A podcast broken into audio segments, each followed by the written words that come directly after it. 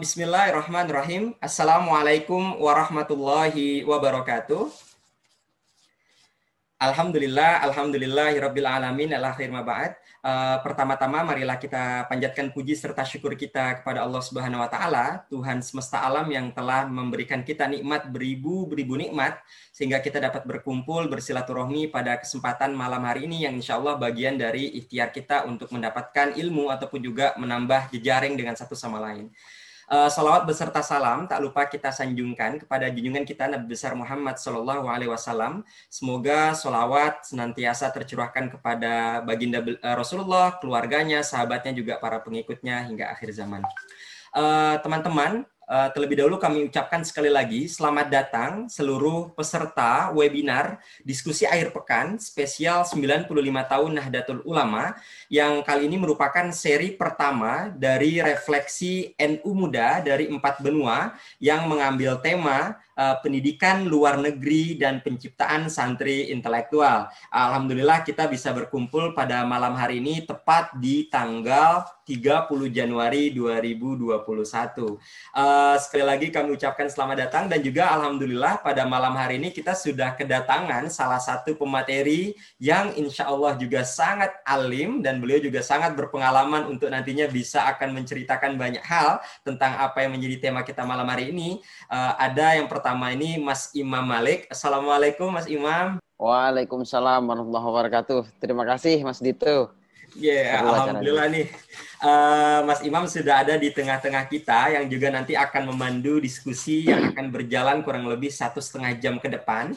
Uh, selain Mas Imam, nanti juga saya akan memperkenalkan pembicara yang lain, tapi sedikit saya akan menceritakan singkat sebelum nantinya Mas Imam juga akan bercerita tentang uh, biografi beliau, aktivitas dan lain sebagainya. Uh, secara singkat ingin juga saya perkenalkan bahwasanya Mas Imam ini merupakan penerima beasiswa 5.000 doktor Kemenak dari Kemenak Republik Indonesia, Kementerian Agama Republik Indonesia di kampus Western Sydney, Australia. Wah, kalau ditanya apa memang aktivitas beliau, saya beliau pastinya adalah kader NU yang juga sangat luar biasa. Bisa kita lihat di belakang gambar beliau itu sudah ada terpampang logo NU ya, walaupun didampingi sama karpet-karpet yang lain gitu ya.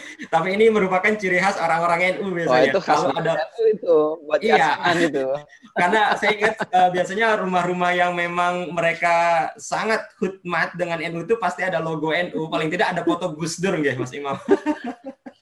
Tapi terima kasih Mas Imam sudah berkenan hadir pada malam hari ini. Uh, selain Mas Imam juga saya akan memperkenalkan dua pembicara yang lain, yaitu pertama Mas Alfian Iqbal Zaspan yang juga akan hadir sebentar lagi.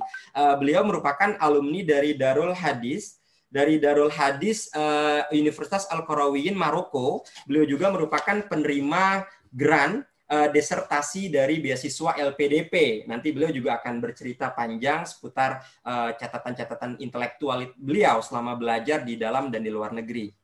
Nanti juga ada Mbak Nurul Hakumah. Uh, Mbak Nurul Hakumah ini merupakan ketua umum IPPNU uh, yang juga menempuh studinya di Leicester United Kingdom. Jadi beliau juga nanti akan hadir di tengah-tengah kita uh, untuk bisa memberikan refleksi dan catatan singkat beliau tentang bagaimana sih uh, eh, NU dan juga uh, masa depan NU ke depannya melihat dari uh, sebagai uh, dari sudut pandang uh, para kaum NU muda ini. Uh, terlebih dahulu saya juga ingin mengingatkan ini juga hal yang juga perlu kita syukuri di tengah banyaknya ikhtiar untuk mengadakan acara-acara serupa. Program ini yang juga merupakan bagian dari pelaksanaan peringatan khut, khidmah kami ya kepada harlah lahirnya NU yang ke 95 ini juga merupakan bagian dari kerjasama. Yang pertama dari podcast trend uh, yang juga digawangi langsung oleh Mas Irfan El Sarhindi sudah ada di tengah-tengah kita. Juga ada diaspora santri yang memang banyak digawangi langsung oleh Mas Munawir Aziz. Uh, juga pesantren.id uh, yang juga terakhir adalah PCNU United Kingdom dan Santri Mengglobal. Uh, jadi nanti teman-teman untuk bisa meramaikan acara-acara ini, teman-teman kami ajak juga untuk bisa membuat story singkat gampangnya sambil mentek beberapa akun sosial media tersebut seperti Podcast Trend, Santri Mengglobal, Diaspora Santri, Pesantren.id, dan PCNU UK. Uh, baik, eh, teman-teman, tanpa berpanjang kata, karena juga kita tidak akan lama-lama uh, dalam sesi pada malam hari ini, terlebih dahulu kami mengajak teman-teman untuk memulai acara ini dengan membaca suratul Fatihah. Uh, kita niatkan Fatihah ini pastinya untuk uh, organisasi besar Nahdlatul Ulama dan juga pastinya untuk bangsa kita, bangsa Indonesia. Semoga NU di usianya yang ke-95 tahun ini bisa terus menjadi organisasi pengayom dan juga menjadi wadah uh, pengembangan intelektualitas, jamiah dan jamaahnya. Yang terpenting adalah NU senantiasa menjadi wadah terbaik bagi masyarakat masyarakat Indonesia untuk menjunjung tinggi nilai-nilai moder, uh, moderasi dan juga perdamaian. Uh, dan pastinya juga kita doakan kiai-kiai kita yang sudah berpulang terlebih dahulu semoga diterima amal ibadahnya dan yang terakhir pastinya kita berdoa para pembicara dan semua yang hadir pada kesempatan hari ini selalu diberikan kesehatan oleh Yang Maha Kuasa. Uh, dengan bacakan suratul Fatihah, ala hadiniyah wa ala kulli niyatin solihah, al-Fatihah.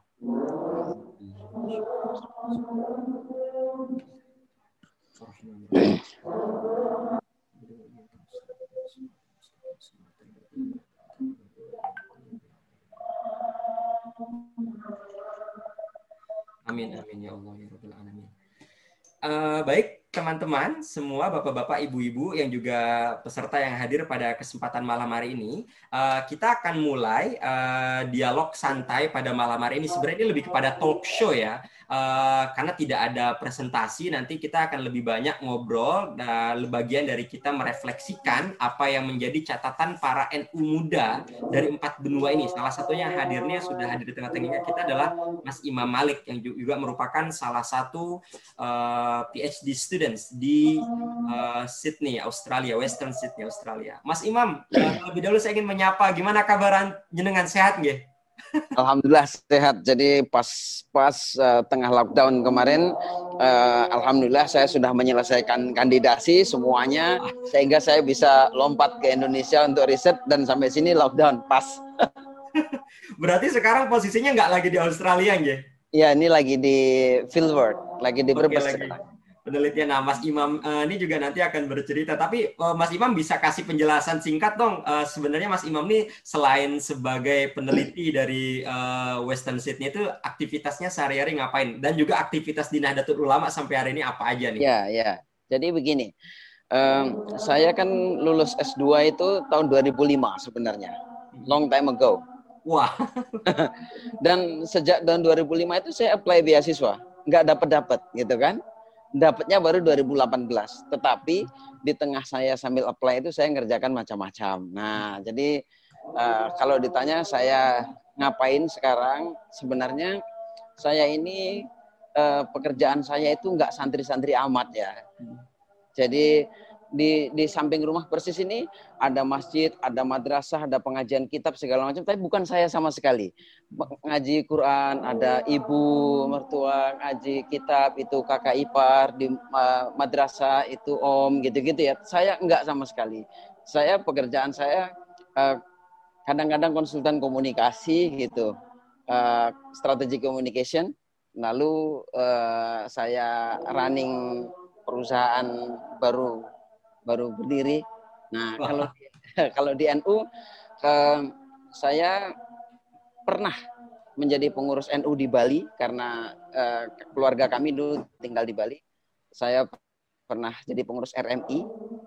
Eh, tapi kalau yang sehari-hari bersentuhan dengan orang NU biasanya saya uh, menemani teman-teman saya yang punya madrasah, yang punya pesantren gitu. Nah, saya keliling-keliling gitulah. Itu pekerjaan ber-NU-nya.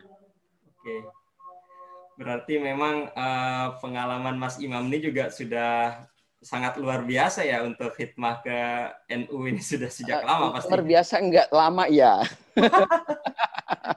Apa yang membuat Mas Imam ini bahagia dan nyaman uh, berkhidmah di NU ini, Mas? Sebelum nanti kita akan ngobrol banyak seputar tema-tema inter kita. Iya, karena referensi saya tentang nyaman itu NU. Oke. Okay. Ya kan orang itu kan ada referensinya ya. Hmm. Mungkin kalau anaknya konglomerat itu referensi tentang nyaman itu kalau celengan sahamnya banyak gitu ya. Tapi karena orang tua saya eh, dulu saya di kampung saya di Banyuwangi Yeah. Saya sekolah di MI, MI Ma'arif, yang waktu itu eh, hanya ada kalau nggak salah tiga ruang kelas itu untuk enam kelas. Jadi satu ruangan dibagi dua, yang kata yang gurunya cuma dua, kadang-kadang enam, kadang-kadang banyak, kadang sedikit. Kata bapak saya, yang sekolah kalau anaknya orang NU harus sekolah di sini. Kalau nggak sekolah di sini, siapa yang mau sekolah di sini? Karena ya waktu dulu gitu ya. Nah, jadi eh, lalu saya mondok segala macam teman segala macam banyak orang NU ya nyaman di NU. Masalah kenyamanan ini nggak bisa tergantikan ya, ya kalau udah ya. bicara kenyamanan ini. Ya kalau mau agak ilmiah sedikit karena referensi saya tentang nyaman itu NU. Saya pernah bekerja di korporasi macam-macam iyalah dapat duit tapi nyamannya tetap di NU gitu kan. Ini nanti Mas Irfan ini langsung mencatat Mas uh, quote-quote-nya nih untuk bisa langsung di follow up karena ini masalah kenyamanan ini bisa bisa hal penting nih karena uh, orang kalau uh, ibaratnya kalau nggak nyaman nggak mungkin bisa hitmah dengan begitu lama begitu Mas ya. Iyalah uh, kalau kalau kita lihat ini lah misalnya sedikit teorinya Maslow misalnya, teori kebutuhan Abraham Maslow itu mulai yang paling dasar sampai yang paling advance itu yeah. sampai self esteem itu saya dapatkan di NU.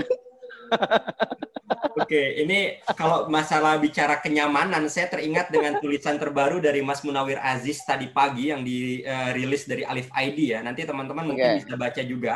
Ada catatan menarik dari Mas Munawir Aziz tentang bagaimana merefleksikan diaspora Santi berkaitan dengan uh, uh, hari lahir Nahdlatul Ulama yang ke-95 ini. Tapi uh, kita akan juga mulai masuk mendiskusikan dengan tema yang akan kita diskusikan malam hari ini teman-teman. Uh, sambil nanti kita akan menunggu kedatangan Mas Alfian dan juga Mbak Nurul Haumah. Uh, kita juga akan mengingatkan teman-teman yang pertama kalau teman-teman ada yang ingin ditanyakan terkait dengan uh, tema kita malam hari ini silakan teman-teman uh, bisa langsung mengirim kol- uh, chat di kolom chat yang sudah disediakan untuk nantinya kita raise diskusi lebih lanjut. Terus yang kedua, eh, teman-teman kalau ada yang ingin membuat keseruan seputar acara ini bisa membuat story dan eh, di Instagram untuk nantinya bisa kita follow up bersama teman-teman eh, fasilitator gitu ya. Ini juga Mas Imam sudah mencatat nih kalau ada informasi lebih lanjut yang nantinya belum bisa terjawab misalkan bisa kontak Mas Imam melalui email uh, maliklentera@yahoo.com. Tapi kan sekarang nih zamannya juga zaman milenial nih Mas uh, nanti mungkin mereka akan ya. minta Instagramnya, Facebooknya itu jangan lupa mas itu yang wajib gitu ya. Ya ya ya ya ya ya ya ya, ya oke. Okay. Mas Imam, uh, kita akan mulai diskusi santai kita malam hari Mas Imam. Ini berkaitan dengan apa yang menjadi refleksi NU muda dari empat benua. Kita kita yakin Mas Imam adalah sosok yang juga bisa menjadi salah satu uh, contoh untuk bisa memberikan catatan refleksi dari kaum NU muda yang sekarang sedang menempuh studinya di luar negeri. Uh, pertanyaan ya, ya. pertama yang mungkin bisa saya ingin tanyakan ke Mas Imam. Eh, kira-kira menurut Mas Imam nih apa alasan dan pandangan kenapa santri ataupun juga anak-anak NU muda ini juga harus belajar di luar negeri? Apa alasan paling mendasar dan penting nih menarik nih Mas Imam? Silakan Mas ya. Imam. Saya uh, di sebuah pesantren uh, dulu ya, saya saya dulu mondok di Asem Bagus. Uh, sebelumnya di Rototul di Banyuwangi lalu di Asem Bagus. Waktu saya belajar bahasa Inggris, teman-teman membuli mau ke mana sih? Dek lagi ya katanya. Ke mana sih belajar bahasa Inggris? Saya bilang sama mereka, kalau kamu nggak bisa bahasa Inggris, dakwahmu itu hanya di kampung. Kalau kamu cuma bisa Madura, kamu hanya dakwah sama orang Madura. Kalau nah kalau kamu bisa bahasa Inggris ya kamu bisa ke mana-mana. Nah itu sebenarnya apa ya uh, alasan spontan aja. Tapi kalau ditanya uh, kenapa kita mesti belajar di luar negeri? Tidak harus belajar di luar negeri itu. Tetapi kebutuhan ketika kita butuh belajar di luar negeri, adanya ilmu itu di luar negeri, pengalamannya adanya di sana, ya kita mesti ke sana. Gitu. Jadi misalnya saya ke Australia. Karena memang kemungkinannya saya belajar di Australia. Saya tidak saya dan kebutuhan saya belajar di Australia gitu. Jadi eh, kan kan eh, sebagian teman NU mengatakan misalnya eh, kamu kok ke barat-baratan gitu come on. Hari ini itu kan dunia itu sudah mengglobal. Dunia itu sudah mengglobal. Batas-batas wilayah, batas-batas eh, primordial itu sudah semakin tipis gitu. Kalau kita terus-terusan terkungkung di sini, sementara orang yang di luar sana eksposur ke mana-mana sampai ke Indonesia. Yang paling sederhana kan uh, waralaba Amerika sudah buka di Indonesia gitu. Saya kasih contoh sederhana. saya bertemu dengan salah seorang uh, pegawai di perusahaan uh, konsultan pajak di Sydney yang ternyata uh, perusahaan konsultan pajak berkantor di Sydney itu adalah milik orang Indonesia sebagian besar sahamnya dan melayani untuk perpajakan Indonesia. Tapi kantornya kenapa di Sydney? Nah, ternyata ya ada macam-macam ya, ada uh, talentnya di sana, apanya di sana. Artinya yang ingin saya sampaikan adalah dunia ini sudah semakin datar, batas-batas uh, wilayah sudah semakin tipis. Kalau kita nggak juga uh, eksposur ke mana-mana, orang justru eksposur ke Indonesia. Dulu orang luar negeri ke Indonesia itu namanya menjajah. Sekarang tidak men namanya. Sekarang ketika dunia sudah mengglobal namanya bukan menjajah. Kita nggak bisa mengusir mereka sebagai penjajah. Nggak bisa. Mereka punya hak tinggal di Indonesia. Sehingga kita, uh, oh kalau ditanya alasan yang saya sangat lekat uh, di pikiran saya adalah Gus Dur pernah saya dengar dalam sebuah pidatonya mengatakan bahwa santri itu tugasnya adalah yang pertama uh, membawa khazanah kesantrian, tradisi santri ke dunia global. Yang kedua, menyuarakan, menyampaikan apa yang terjadi pada dunia global dengan bahasa yang bisa diterima oleh komunitas pesantren. Kalau dulu ngomongnya dengan bahasa lokal, tapi sekarang nggak boleh dong kita mengatakan bahasa lokal. Itu artinya eh, mandat itu sekarang sudah mulai bergeser. Dulu kita tidak punya mandat kalau kita lihat NU sekarang ya, eh, ada LPBI yang yang mandatnya adalah lingkungan.